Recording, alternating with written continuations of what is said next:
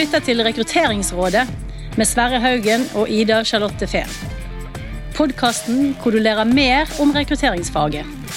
Produsert av rekrutteringsselskapet Meyer Haugen. Ida, Ja. har du noen gang jobbet i kommunen?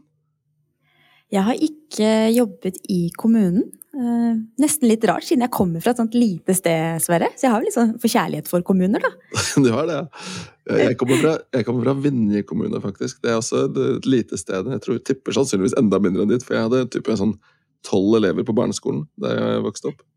Hele Totalt? Skolen, altså. Totalt. Vår klasse var størst, vi var tre. Da slår det meg en god gang. Altså, vi var i hvert fall tolv stykker i klassen. Ja. Men, så, men, men kjenner du noen da som jobber i kommunen? Jeg kjenner ganske mange som jobber i kommunen. Eh, eh, det er fordi at jeg kanskje også kommer fra et lite sted. Da. Så jeg har jo mange i familie og venner som jobber i kommunen og er med å holde hjulene i gang. Ja, jeg, jeg, har, jeg tror jeg har en påstand. Jeg tror nesten alle kjenner noen som jobber i kommunen. Fordi det er jo veldig store arbeidsgivere. Vi har jo liksom jeg vet ikke akkurat av tallet, men Oslo kommune så er det vel 40 50 000 ansatte. Det er jo nesten 10 av byen jobber jo i kommunen. ikke sant? Det er jo enormt, Ja. egentlig, hvis man begynner å tenke på det. Ja, så har vi jo lurt litt på hvordan er det å jobbe med rekruttering til noe sånt. da, Til et sånt stort dyr som det. Uh... Og det er jeg kjempenysgjerrig på. Og så er det jo det er så mange forskjellige eh, stillinger og roller. Da. Så hvis du tenker hvordan vi jobber, så jobber vi jo veldig spisset mot ulike områder. Men når man går mot kommunen, så bare tenker jeg Hvis du tenker alle de viktige Ja. rollene Ja. som sitter i så mange ulike steder, da. ikke sant? Og helt sikkert også mange andre problemstillinger. da, Både gjennom volumet, men også regelverk og andre ting. Så nå gleder jeg meg til å, å ta en prat med de to spennende gjestene som vi har fått med oss i studio i dag. Eh, og det er altså Da har vi altså to personer som jobber med rekruttering til kommunene, men fra nord og fra sør. Så for å si det litt sånn i ånd med den derre uh, Askepotts eh, tre nøtter, holdt jeg på å si. Sånn, de kommer fra nord og fra sør! Og da har vi altså med oss Jan Erik Gabrielsen, velkommen, fra sør, eller Kristiansand. Takk. Og så har vi Katrine Stenvold Øyen fra nord, og det er da Tromsø. Velkommen, Katrine. Tusen takk. Da har vi gledet oss veldig til å snakke med dere. Eh, Kan ikke dere si noen ord om, om hvem dere er og hva dere jobber med, hvis vi begynner med deg da, Jan Erik? Jo, eh, ja, Jan Erik Gabrielsen, eh, Kristiansand kommune. Eh, her har jeg jobba siden eh, 2012, så det begynner å bli noen år. Eh, først så, eh, generelt innenfor personalfeltet, men de siste årene etter eh, den mye omtalte kommunesammenslåingen i 2020, så har jeg jobba rent med rekruttering og fått muligheten og lov til å utvikle meg der. Så det er veldig spennende. Ja, så bra. Og det er jo deg der, Katrine. Ja, eh, jeg jobber da som HR-rådgiver i, i Tromsø kommune, og har gjort det nå i noen år. Eh, og har da sånn overordna ansvar for eh, systemer og rutiner og hvordan vi gjør dette her. Ja, Innenfor rekruttering. Eller også bredere. Nei, det er hovedsakelig rekruttering, men også innenfor kompetanseutvikling. Ja, Spennende, da. Ja, det er veldig gøy. Og så er vi veldig glad for at dere har sagt ja til å prate med oss i da, Rekrutteringsrådet for å snakke litt om rekruttering, og litt sånn rekruttering til kommune. Og hva er liksom Er det noe forskjell på det, eller er det det samme? Hva, hvis vi ser på liksom, hva er de store tingene, de store spørsmålene, det store fokuset da, innenfor rekruttering når, i, i deres verden? da? Uh, hva, tenker, hva, hva tenker du, Jan Erik, for din del? da? Nei, altså, eh, Som en offentlig aktør så, så har vi jo søkelyset på oss hele tida. Slik at vi må jo spille med, med, med åpne kort. Det setter jo noen, noen utfordringer i forhold til eh, søkerlister. om det eh, og, eh, eh, og ja, så eh, i forhold til det å være offentlig, da. Og så har vi jo en del lover og avtaler som eh, regulerer eh, hvordan vi kan eh, ansette og, og eh, hvordan vi kan kjøre prosessene. Eh, de kan være egentlig også med på å styrke prosessene vi kjører, men kan også noen ganger oppleves som en, eh, som en hemsko. Ja, det, det, det, det vil jeg tro. Kjenner du deg igjen i det her, eller Katrine? Ja, eh, det gjør jeg. Og så er det noe med den, den, den motivasjonen også til de, de, de som skal jobbe i en kommune. Eh, det syns jeg også er spesielt, for det er eh, vi ser jo i våre medarbeiderundersøkelser at det er veldig høy det vi kaller prososial motivasjon. Altså det, det ja. å være motivert av å gjøre noe godt for andre. Det, det er noe som man kan si er veldig sånn, typisk kommunalsk. Oh, ja. eh, og som også når vi ser i rekruttering at det er noe som eh, egentlig i, i, veldig mange Selv om vi rekrutterer til veldig mange ulike stillinger, som Ida var inne på, så er noe som måte, eh, går litt igjen, da, er at de som søker på stillinger, gjerne sier at eh, på en måte, samfunnsoppdraget er noe av den viktigste grunnen til at de søker. Eh, det å få lov til å være med og, og påvirke samfunnet. Og ja. få lov til å gjøre en, en At det har en mening, ja. det gjør? Ja. Det gjøre, jeg, gjør, noe, gjøre, gjør, en forskjell. Ja, Men det, det, vil jeg jo tro er da, hvis, hvis, hvis, man, hvis man, har et sterkt verdiforslag på det, så, så, er det, så er det um, positivt. Men dere to, da, som jobber med For det første så er det jo sannsynligvis ganske store en stort spennvidde da, i det dere rekrutterer til. For da er det liksom alt ifra sikkert jeg vet ikke, vaktmestere til sykepleiere til lærere og det ene og det andre, vil jeg tro? Eller? Hva er liksom ytterpunktene her? IT-ingeniører. IT-ingeniører òg, ikke sant? Ja, altså det er jo eh, en Kommunene ansetter jo egentlig et veldig bredt spekter av folk. Ja. Uh, fra den ufaglærte eh, som jobber med renhold på skoler, til, eh, til doktorkandidaten som jobber med forskning og innovasjon. Så du har hele, hele spekteret. Eh, folk som jobber innenfor eiendom og utvikling, eh, økonomi, finans. altså Du har hele, hele spekteret. Det, det stiller jo også noen, noen store utfordringer til hvordan vi kan sikre gode rekrutteringer på bredt over hele eh, kommunen. Ja. Jeg kjenner Ida jeg, kjempe, jeg, blir jo veldig jeg blir så engasjert, dessverre, for det er så spennende. For det er jo ikke bare det at man kan jo snakke om ulike roller, og man Det har vært veldig spennende å se kanskje den indre motivasjonsfaktoren, hvordan den skiller seg ut hvis man søker kommunalt kontra privat, f.eks. Sånn i forhold til det Katrine sier.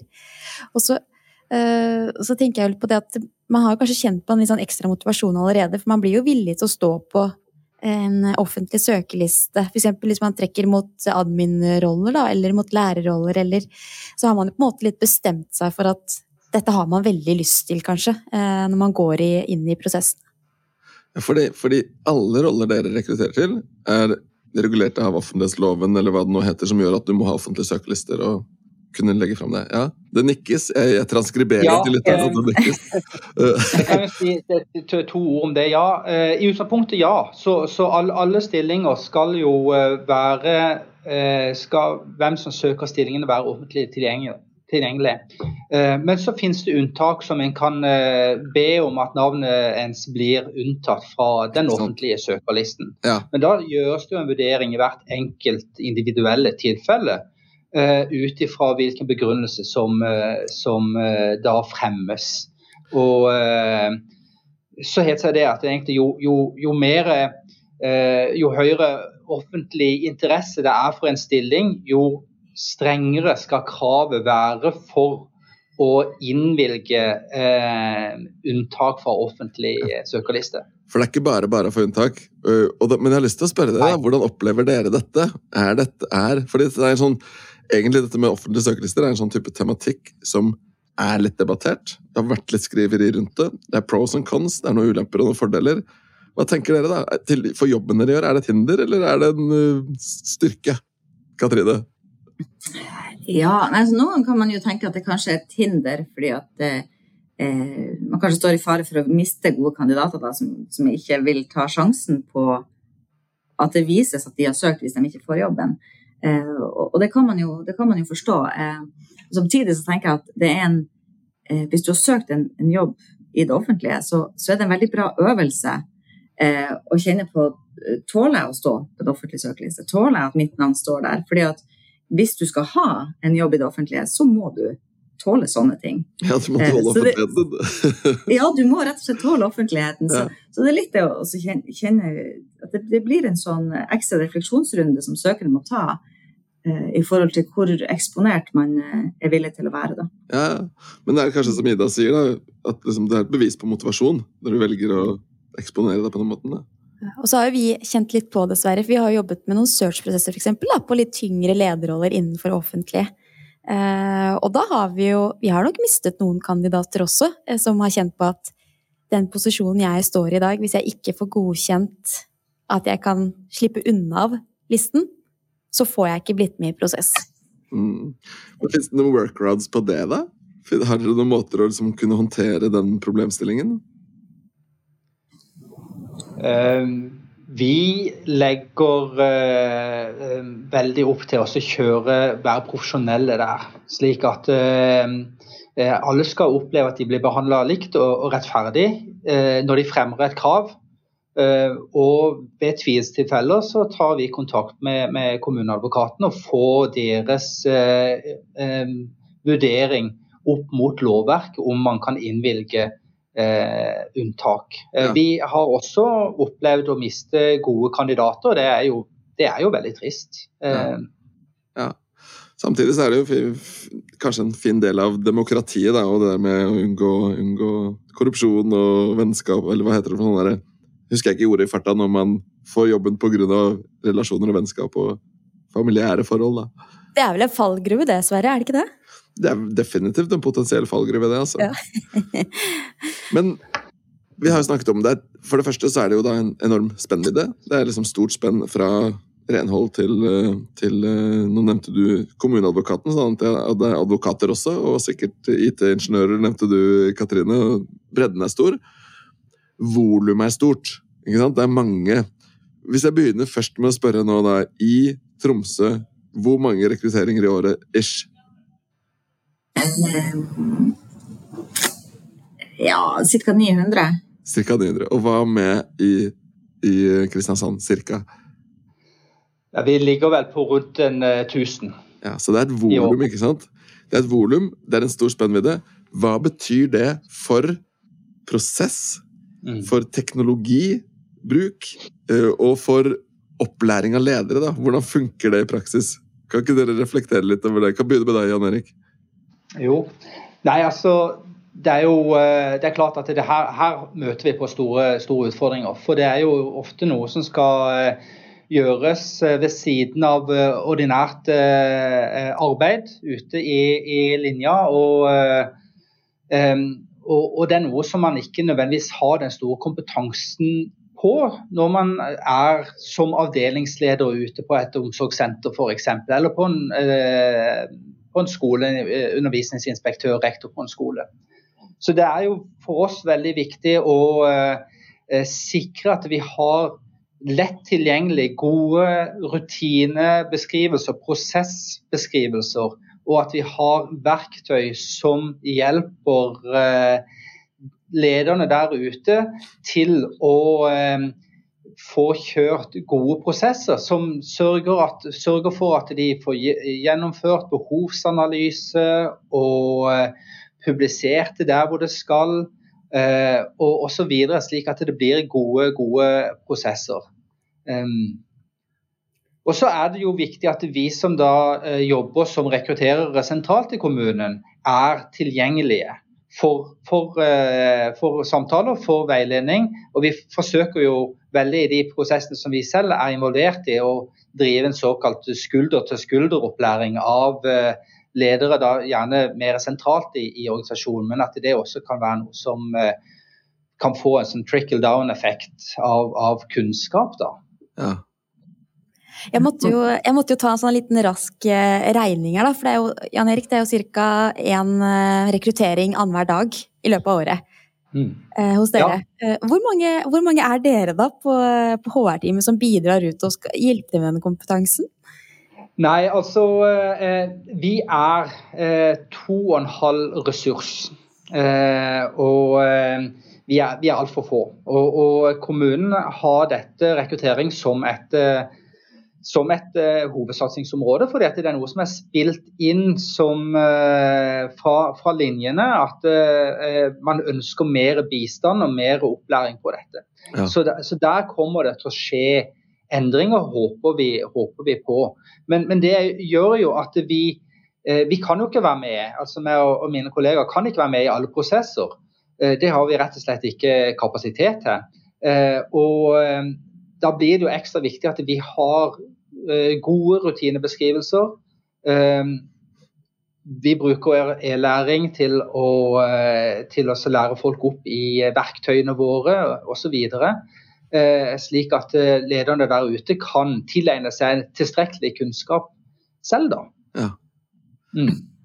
Ja, hos oss, Ja. ja, nei, hos oss så, så er det Vi er jo et større HR-team, men, men i forhold til det, det med, med rekruttering, så, så er det eh, bare meg, som det sies. Eh, men i tillegg så har vi da ute på de ulike avdelingene, og så er det jo egne ressurser eh, på f.eks. helse og omsorg har noen egne ressurser eh, som sitter overordna i de avdelingene, eller som sitter på og jobber med avdeling for oppvekst, utdanning og kultur, eller avdeling for bymiljø, har også egne ressurser som sitter og kan si, litt mer enn en, en de som gjør tilsettingen kanskje bare annethvert år eller en gang i året. Det, det er jo mange av disse som, som Jan Erik sier, disse avdelingslederne som kanskje sitter langt nede i linja, som ikke eh, gjør dette så ofte. Ja. Og da er det jo veldig viktig at man har noen å støtte seg på, og, og noen å spørre til råds. Eh, og, og så var du litt inne på dette med, med teknologi og sånt. Nå er jo både jeg og Jan Erik kanskje litt sånn eh, i, i øvre sjiktet eh, engasjert i akkurat dette med å ha gode verktøy. Da. Så, så. Jan Erik eh, sitter jo som leder, og jeg som nestleder da, i brukerstyret for Webkruter Ja. som, som er det verktøyet som vi bruker i, i alle våre rekrutteringsprosesser. Men kan jeg få skyte inn et spørsmål der? For da må jeg spørre. Ja. Er det virkelig sånn at du sier i alle deres rekrutteringsprosesser, brukes det faktisk i alle? Eller er det noen ganger noen barnehager som bare Nei, men vi bare legger det litt på Finn, og så tar vi noen søknader på e-post, og så er vi ferdig med det. Nei, det er vi ferdig med. Er søknader på e-post det er vi ferdig med. Så dere har klart å få folket til å fall in line på det? Det, er- det er jo egentlig en utrolig bra prestasjon, Ja, Hvis man tenker på Når vi jobber med å få inn en, en ny rutine hos oss på 17 stykk, så kan det være litt vanskelig innimellom. Her er det jo de store Så mange man skal forholde seg til, da. Men, altså, det var, da avbrøt jeg, da. Så ble det liksom en litt lengre avbrytelse enn jeg hadde tenkt, Katrine. Men hvordan har dere fått til det? Ja, hvordan har vi fått til det? Uh, vi, vi har jo et veldig ryddig og enkelt regelverk å forholde oss til, og det er noe med å eh, denne, denne skillen mellom bør og må. Ja. Eh, så, så, så det, er jo, det er jo ikke Det er ikke ting vi, vi bør gjøre, det er ting vi må gjøre. Og så Ja, ja. kan man bare plukke det av hvis man oppdager at det gjøres på en annen måte. Men Jeg ser at har Erik sitter og hopper i stolen der, Ja. han også. Ja, det håper jeg. Ja, nei, eh, og så tror jeg nå at uh, her kommer det kanskje inn uh, i spillet noe som er litt spesielt for offentlige forvaltning. Eh, Det er kanskje det tette samarbeidet vi har med de tillitsvalgte. Slik at de kan nok fungere litt som, uh, som vaktbikkjer ute i organisasjonen. og, og melder ifra når det skjer ansettelser som ikke følger rutinene. Slik at, at ledere der ute rett og slett eh, har lært seg at eh, nei, vi, vi eh, ansetter ikke på den måten lenger. Med å bare ta imot eh, over, over bordet eller eh, hanke folk inn fra gata. Eh, og så tror jeg nok også det at vi har fått et, et verktøy etter hvert som er ganske eh, strømlinjeforma og hjelper folk gjennom hele, hjelper ledere gjennom hele prosessen. Gjør at mange opplever at det er så godt verktøy at det lønner seg rett og slett for Ja. prosessen å kjøre, kjøre den ordentlig. Ikke sant. Ja, det er en start, da. Erfaringen min er jo at veldig mange som jobber med systemer, opplever at systemet er liksom Ja, det er jo litt til, men det er også nesten til hinder fordi det er så tungt, det er så vanskelig.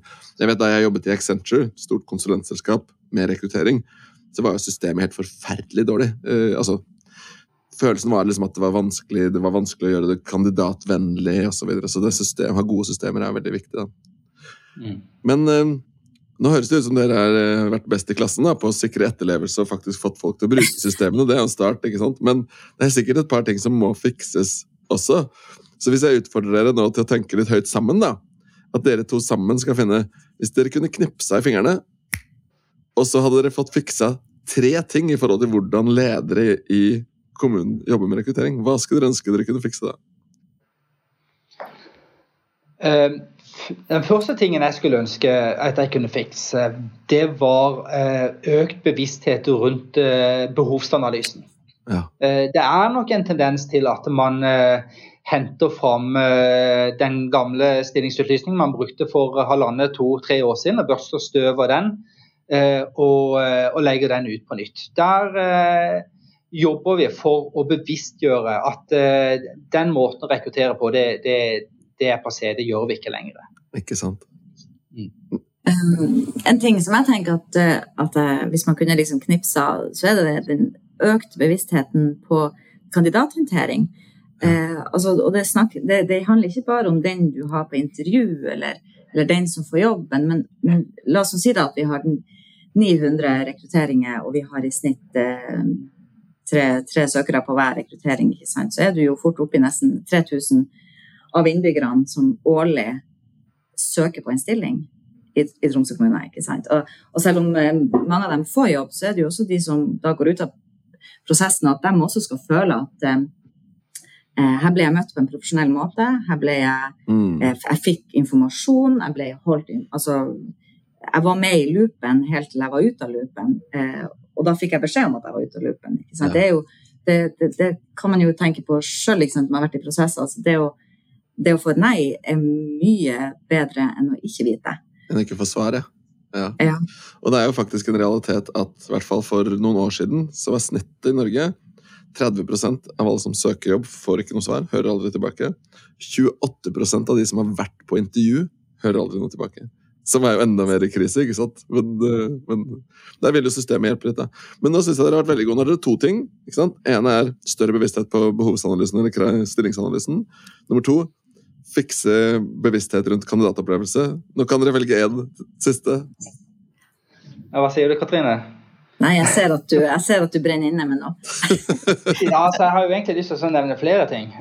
okay, du, da kan du få lov til det. altså, jeg, det, er litt nysgjerrig å høre. For jeg tror for øvrig, de tingene dere beskriver, det er ikke unikt for kommunen. Det er akkurat det samme i privat sektor og, og, og organisasjoner. Jeg, jeg, blir ganske varm i hjertet av å høre det, Sverre. For det er jo ting som vi brenner veldig for. Og som vi også vet at det er de tingene som kanskje er litt vanskelig å, å faktisk gjennomføre alt, jo. Eh, ja. At man sier at det skal vi gjøre, Eh, og så er kanskje noen av de tingene som faller litt bort, da, hvis ja. man ikke virkelig har struktur på det. Yes. Mm. Eh, det, det, som jeg tenker litt på i, i forlengelsen av det som Katrine snakker om, kandidathåndtering, det er jo, det er jo egentlig altså omdømmebygging generelt, employer branding. Ja. At det er noe som er så, så utrolig viktig eh, for oss å gjøre oss attraktive på, på, arbeidsmarkedet. Eh, det er nok mange myter om eh, kommunalt ansatte og kommunale arbeidsplasser. En kan gå tilbake og se på etaten og tilsvarende programmer. Man har disse her tankene om hvordan det er. Der har vi en kjempejobb med å med å eh, forklare at sånn er det ikke. Eh, og det er veldig spennende å høre personer som har, eh, kommer fra det private og begynner å jobbe i kommunen, som rett og slett blir overraska over hvor fremoverlent organisasjonen er, hvor stor fokus det er på fagutvikling og eh, osv. Eh, så, det, så, så, employer branding eller omdømmebygging det er noe som vi jobber veldig bevisst med i større og større grad. Ikke sant. Ja. Og Hvis jeg kan skyte inn noe der, liksom, når det kommer til dette, dette med vi snakker om omdømme og sånt, jeg er jo veldig opptatt av at jeg syns den beste rekrutteringa, det er jo eh, hvis, hvis, en ansatt kan, kan, sitte sammen med vennene sine og si at eh, herregud, dere skulle prøvd å jobbe der jeg jobber. Eh, ja. Det er altså så fantastisk. Og jeg tenker at det, Hvis du får ansatte til å føle det på en sånn måte at de snakker sånn om sin arbeidsplass, så er det verdt mer enn 1000 annonsekampanjer. Ja. Eh, så det, altså, vi jobber veldig, veldig mye med det nå. Altså, vi har utformet en ny HR-strategi liksom, på dette her med, med rett og slett å å bygge riggen for at folk som jobber her, skal kunne ha det så bra at det, de rekrutterer. Ja, ja. Der tenker vi at det må jo Fordelen være at dere har jo så utrolig mange flinke folk i jobb på ulike områder. At man vil jo få veldig mange som kan, kan kunne eh, fremsnakke og snakke varmt om, eh, om kommunen. Men også, vi er jo litt nysgjerrigsverre på For det er jo tøft marked om dagen hvis man tenker nisje, nisjeroller. Touchet innom IT, vi har snakket litt om advokater, og det er mange viktige roller til sykehus osv. Hvordan, hvordan jobber dere litt med å klare å skille dere ut og konkurrere mot privat eh, sektor? Ja, den som kunne svare godt på det. det er for en herlig inngang. Nei, men eh, det er nok å prøve å, å eh, I hvert fall for, for, for, oss så prøver vi i Kristiansand kommune å fremme at eh, vi er jo på flere områder det, det største fagfeltet i, eh, i regionen. Og at det i seg selv er en veldig stor verdi for personer som er eh, interessert i faget sitt. Eh, her får du eh, kollegaer med høy faglig kompetanse og interesse, og nysgjerrighet. Det er klart vi, i, mange tilfeller så har vi ikke muligheten for oss å, å konkurrere på lønn med, med private aktører. Men det betyr ikke det at man har dårlig lønn. Eh, og så har vi eh, eh, så har vi sånn sett andre goder som, som altså, trygge arbeidsplasser. Det, vi er jo ikke, er jo ikke eh, så sårbare for konjunktursvingninger i, eh, i samfunnet som, som, som, resten av, eller som privat eh, sektor er. Um, mm. Ja, så, så, det er jo noe av det vi, vi prøver også, også, også fremme, da, men kanskje spesielt det som går på, eh, på, på faglig styrke og, eh, og, utviklingsmuligheter. Ja, og Vi er også med i en del sånn prosjekter sånn, for, å, for, å, se på hvordan man gjør, gjør, det å jobbe hos oss enda bedre. Vi har en del sånne eh, En ting er at man har noen tiltakspakker i forhold til eh, ekstra stipend og, og mulighet for, for, utdanning ved siden av jobb. og vi, mye, mye, sånne ting da, som, som, eh, som er veldig sånn spissa inn mot spesielle yrkesgrupper. Men det er veldig interessant. Du nevnte jo også i dette med purpose. da, Katrine. Mener du at Er det en ting som du opplever gir dere en fordel, eller er det mer sånn at Bruker dere det, eller er det bare sånn at dere tiltrekker dere de folka som er faktisk opptatt av det? Hvis du skjønner? Nei, um, nei da, vi, vi, bruker det nok uh, bevisst. Altså, det er jo uh, Det er jo de menneskene som er opptatt av samfunnsoppdraget, og som, og som uh, ønsker å gjøre noe for andre. Det, det, er jo også de som vi ønsker skal være søkere på stillinger hos oss. Ikke Så det er klart at vi det, det, pakker vi på en måte ikke inn. Vi er veldig stolt av det som arbeidsgiver også, at det er innbyggerne som er hvorfor, altså det er dem som er grunnen til at vi er her eh, hver eneste dag. Så er det viktigst for alle som jobber i kommunen. Nå har jeg lyst til å stille deg et spørsmål. Uh, vi, vi, er så heldige at vi er samarbeidspartnere med E24 uh, i ledertalentkåringen, altså E24 Ledertalentene. Så jeg har vært så heldig at jeg har fått intervjuet av et sett med unge, flinke folk som er nominert til den kåringen. Og et av spørsmålene jeg har stilt dem da, i intervjuene, det er, er det, hvilke resultater er du mest stolt av å ha skapt? Og nå har jeg lyst til å spørre deg da, på vegne av egen arbeidsgiver, egen kommune. Hva er du mest stolt av ved Tromsø kommune, Katrine? Og det må være HR-strategien som kommer nå. Eh, Oi, som gøy. vi skal ha opp til behandling i kommunestyret. Eh, som jeg har vært så heldig å få være, være med og lede prosjektet i. Og, det, og der er det, det, er, det er menneskene som er vår viktigste ressurs, og da må vi forvalte den ressursen på en bærekraftig måte. Og det handler om å, å ta, eh, ta, vare på folk på en måte som gjør at de blir, det at de har det godt. Jeg skal spørre deg, Jan Erik, men først må jeg kommentere med Ida. Da, fordi Ida pleier å snike inn i hver podkast, så begynner hun å snakke om bærekraftig rekruttering. Jeg tror this was your cue, Ida. ja. oh, nå kjente jeg at eh, nå kunne jeg snakket bare flere timer etterpå med Katrine. Ja. For det, jeg synes, Katrine, jeg syns jo at det snakkes jo veldig mye om bærekraft på ulike måter, men jeg, jeg har savnet litt den bærekraftig rekruttering, det som du nevner. da, liksom, Hvordan skal man inkludere, eh, se de ressursene man har, bruke de på gode måter og utvikle de. Og det høres ut som at dere eh, virkelig har satt på agendaen oppe i nord, da. Ja, det, det, vil jeg si at vi absolutt har. Eh, og, og, det er jo noe med Dere snakka litt om rekrutteringsutfordringer, og det er vanskelig å få tak i riktig, riktig kompetanse og sånt. og da, da, må man jo legge inn et ekstra gir der med å ta vare på de man har. da, Prøve å ikke miste, prøve å ikke miste de. Eh, og det Ja. ja. Da, da, må man behandle dem på en måte som er litt sånn eh, langvarig. Jeg håper behandlingen av strategien går bra, Katrine, og jeg gleder meg til å høre mer om det siden. Vi må høre Jan Erik òg. Hva, hva, er du mest stolt av med Kristiansand kommune? Jan Erik? Ja, eh, først kan jeg bare si at jeg har får veldig lyst til å lese den strategien, eh, Katrine. Eh, og det, det var sånn, en sånn, Før jeg skal svare på det, Sverre, bare én ting som er veldig positivt med Kommune-Norge generelt. Det er det at det er en ekstrem delingskultur på tvers av kommunegrenser. Så vi trekker så mye vekster på hverandre, og det er veldig, veldig positivt. Eh, og Det leder meg egentlig litt over til det jeg skal si om eh, hva jeg er ekstra stolt med med Kristiansand kommune. Og det er den eh, grad av profesjonalitet som jeg opplever i, eh, her hvor jeg jobber, altså sentralt i kommunen, og også ut. Jeg opplever at det er mennesker som ønsker å eh, gjøre gode jobber, som er opptatt av faglig utvikling, og som er opptatt av å skape gode arbeidsmiljø for de som jobber der, med det for øye at man skal få gode, eh, eh, gode tjenester ut til befolkningen, som jo er grunnen til at vi er her. Veldig, veldig bra.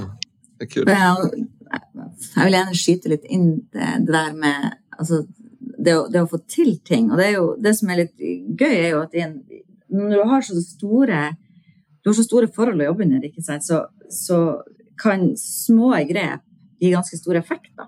Ja. Eh, så, sånn som vi har f.eks. Eh, begynt med digital referansesjekk ja. i våre rekrutteringer. Og kjøpt det da som et verktøy eh, som alle ledere da kan bruke gjennom webkruter. Og, og, det er jo sånn OK, hvis du liksom tar det i en veldig liten bedrift da, og tenker at OK, vi bruker litt penger, vi, bruker litt, eh, vi må endre noen rutiner, vi må gjøre noe sånt, og så hvor mange timer sparer vi egentlig? Ikke sant? Men når du får det i så stor skala, ja, ja så kan liksom det å, å kjøpe noe sånt Jeg så på det her i går. Eh, så var det eh, 600 og noe eh, referansesjekker som da ikke er blitt gjennomført på telefon, men som er blitt gjennomført digitalt i stedet. Så, så, hvis du da tenker at du har spart 600 eh, og, og noe eh, arbeidstimer på ja. ledere mm. Eh, på, på, liksom seks måneder, det er bra business case. Ja. ja. så, så, og det er det som er artig altså, da må jobber med utvikling i kommunen, er jo det at du får ganske store effekter. Ja, ja. Så kult. Uh, Ida, skal vi gå til de faste, de faste postene, eller hva tenker du? Ja, Vi må kanskje gjøre det, selv om vi sikkert kunne spurt et par spørsmål til. hvordan, hvordan, de jobber. Uh, men vi har jo noen faste spørsmål Jan Erik og Katrine, som vi stiller i, hvert, uh, i hver podkast. Og det første spørsmålet er jo litt sånn eh, verste rekrutteringsprosess. Enten om man har vært kandidat, eller man har rekruttert eh, selv. Jeg ikke, Jan Erik, skal vi starte med deg? Uh, ja, jeg kan, jeg kan, si Det som jeg har eh, rett og slett eh, blitt mest flau over uh, på vegne av, av, kommunen, er egentlig de gangene jeg, jeg sitter som fagsystemansvarlig for, for Webkrut, og de gangene jeg går igjennom og ser hvor mange som ikke har fått sendt avslagsbrev. Ja. Eh, det, det, da, da, kjenner jeg at jeg rett og slett blir veldig veldig flau på kommunens vegne. Um, mm. Men apropos det, Jan Erik Skal jeg stille et oppfølgingsspørsmål? Ja. Hvor, hvor, lenge etter, eh, hvor lenge etter føler du at det er greit å sende det brevet? Har dere snakket om det? Jeg prøver å bevisstgjøre ledere med at dette er noe som vi skal egentlig så fort vi vet at en kandidat ikke er aktuell for stillingen, at vi da skal eh, sende en, hyggelig mail tilbake og takke for interessen og, oppfordre til å søke igjen.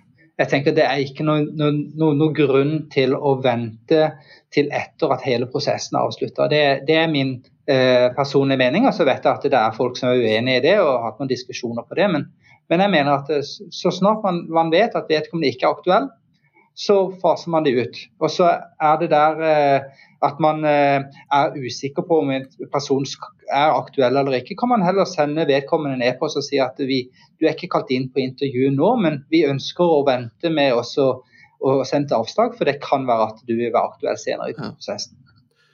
Men, men det er jo dere sitter jo begge to i brukerstyret til uh, Webkruter, som sjef og nestsjef, var det ikke det? Så jeg mener, den type problemstilling du beskriver nå, det er en av de tingene som jeg bare Jeg kan ikke fatte at ikke disse store systemleverandørene har fiksa det. Fordi det er jo, dette er jo en ting som er så lett å fikse. Det er bare sånn Hvis min, på, min rekrutterer lederen på det her tre, fire, fem ganger, og hvis ikke du har fått noe, da, så send et avslag da, på veien er automatisert. Det er liksom, fordi dette går an å fikse, da. Uh, ja.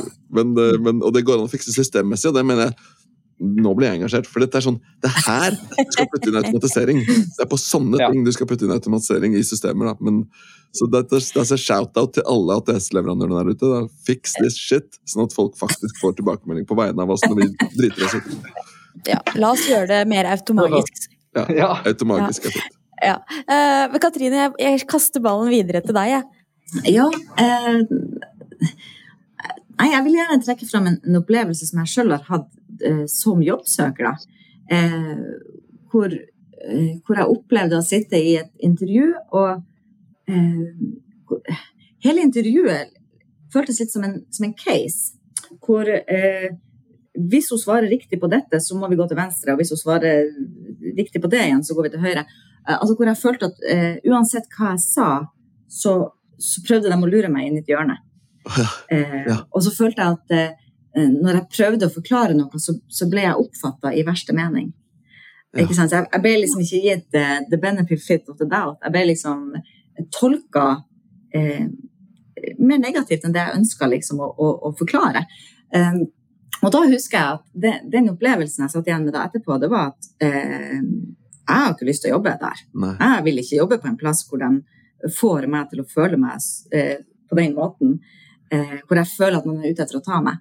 Og, og det, den erfaringa der er liksom noe som jeg eh, bærer veldig med meg da inn i, i, min egen jobb med å skulle rekruttere og med å sitte i intervjuer. Og, det, og hvor viktig det er at de som har vært på det intervjuet, faktisk føler at de er blitt møtt på en ordentlig måte. Hvor de Ja, OK, du var kanskje ikke best kvalifisert, du fikk kanskje ikke jobben, men du ble i alle fall møtt på en, på en måte som gjorde at du følte deg OK der. Du, jeg tror, jeg tror, det du beskriver der, er veldig Det er for det første dessverre veldig vanlig. Og så tror jeg det er liksom Det kommer av igjen da, manglende kunnskap om kandidatopplevelser, som du snakket om, men også dette gamle liksom, paradigmet vi lever under i rekruttering, som er at kandidaten sin jobb er å overbevise om at de er rett. Arbeidsgivers jobb er å avsløre at ikke de blir lurt.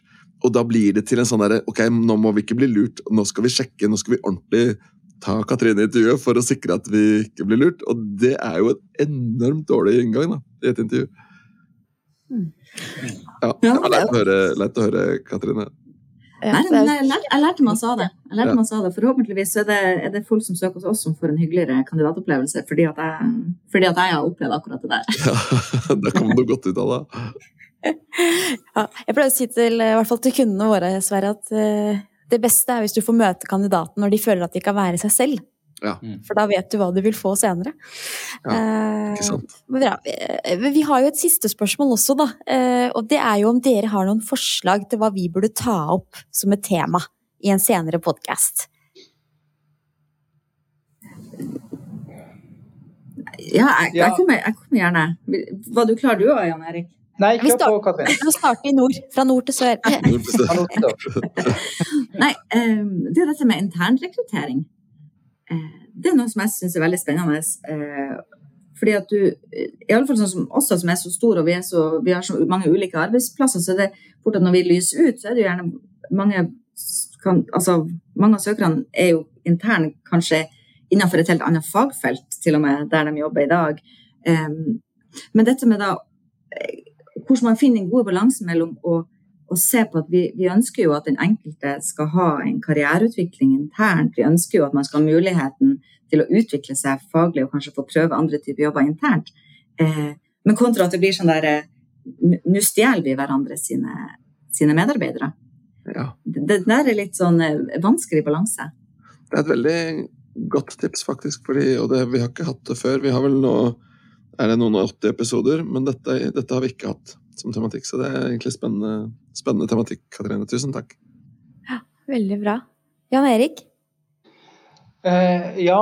Eh, noe som vi har hatt litt økt fokus på her hos oss, eh, eller egentlig hatt veldig økt fokus på de, de siste årene, det er eh, hvordan å eh, jobbe mot utenforskap.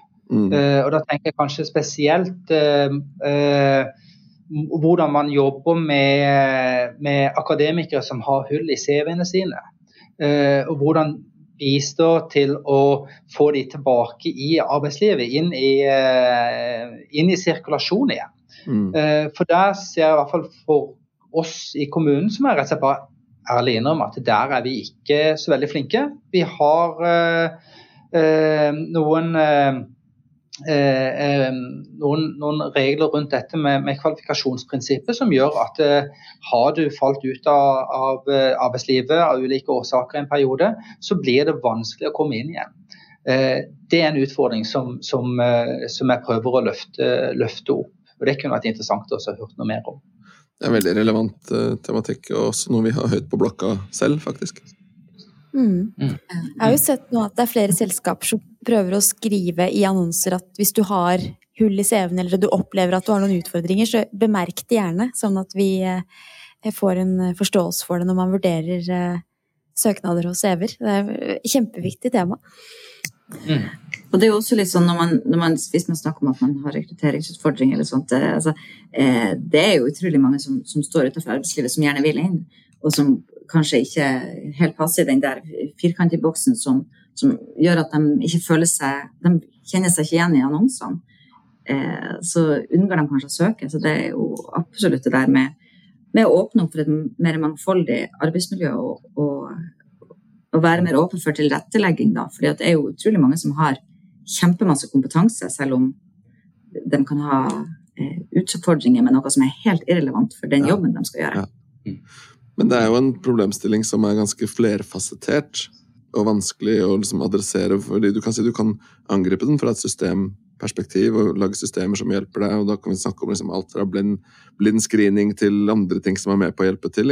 Men så er det også andre elementer, sånn som biases, som ligger hos ledere. Og biases er jo by definition ubevisste og vanskelig å jobbe med. Så hvordan man klarer å faktisk løfte bevisstheten rundt det for å få snudd på ting. da. Tilbake til det som er liksom kanskje essensen. Du nevnte jo i stad, Jan Erik, dette med å være bevisst jobbanalysen. Ikke sant? Fordi, og, og da er det jo også faktisk sånn at grunnen til at veldig mange som søker en jobb, ikke får den jobben, er fordi de er ikke kvalifisert. Det er jo, så enkelt er det jo ofte, dessverre. Øh, men, men, det å liksom klare å fange opp de som burde fått jobben, som kanskje ikke får den pga. et hull i CV-en eller pga. andre ting, det er jo det egentlig jobben handler om. da. Mm. Det er veldig mm. spennende. Mm. Så bra. Og der, der, ligger det jo sikkert mye på ledelsen også, da. Sverre, vi husker vi hadde jo en podkast hvor vi snakket faktisk om bærekraft og utfordret ekspertene på det med rekruttering. Og ja. hvor viktig det er å forankre, hvis man tenker mangfold eh, og den biten inn i bærekraftstrategien, opp på øverste nivå, sånn at man virkelig får eh, vist ambisjoner og delt visjonen om hvorfor det er så viktig. Ja, ja. Så vi har, vi har faktisk flere podkaster tidligere som toucher innom området. Men det er, nok, det er nok et område som vi også kommer til å besøke igjen i ulike varianter, tenker jeg. Ok, Ida. Hva, nå har vi jo hatt en veldig hyggelig prat her. Hva er dine takeaways uh, fra samtalen her nå?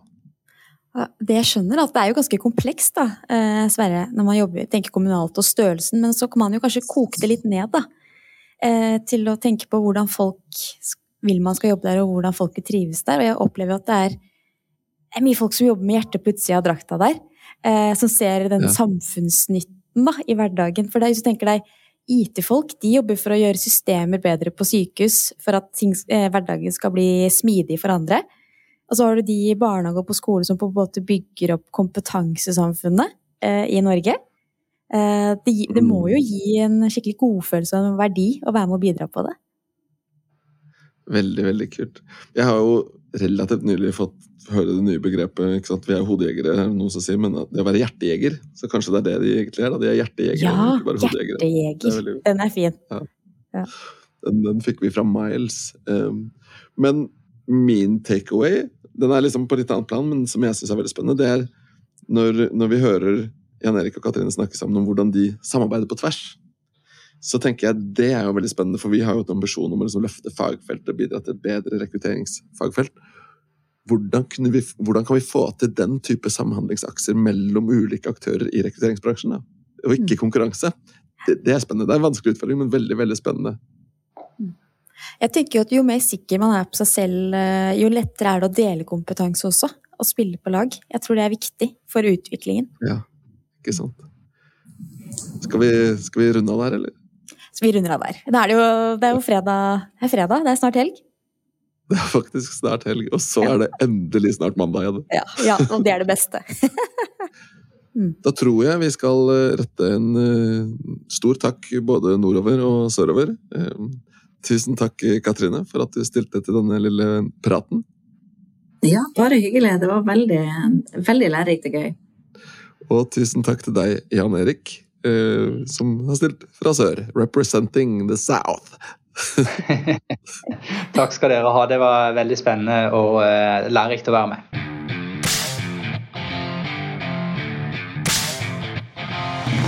Du har lyttet til Rekrutteringsrådet av Meyer Haugen. Vi produserer også Topplederpodkasten og Stillingspodkaster. Har du forslag til gjester eller tema vi bør snakke om, gå inn på vår Facebook-side Meyer Haugen.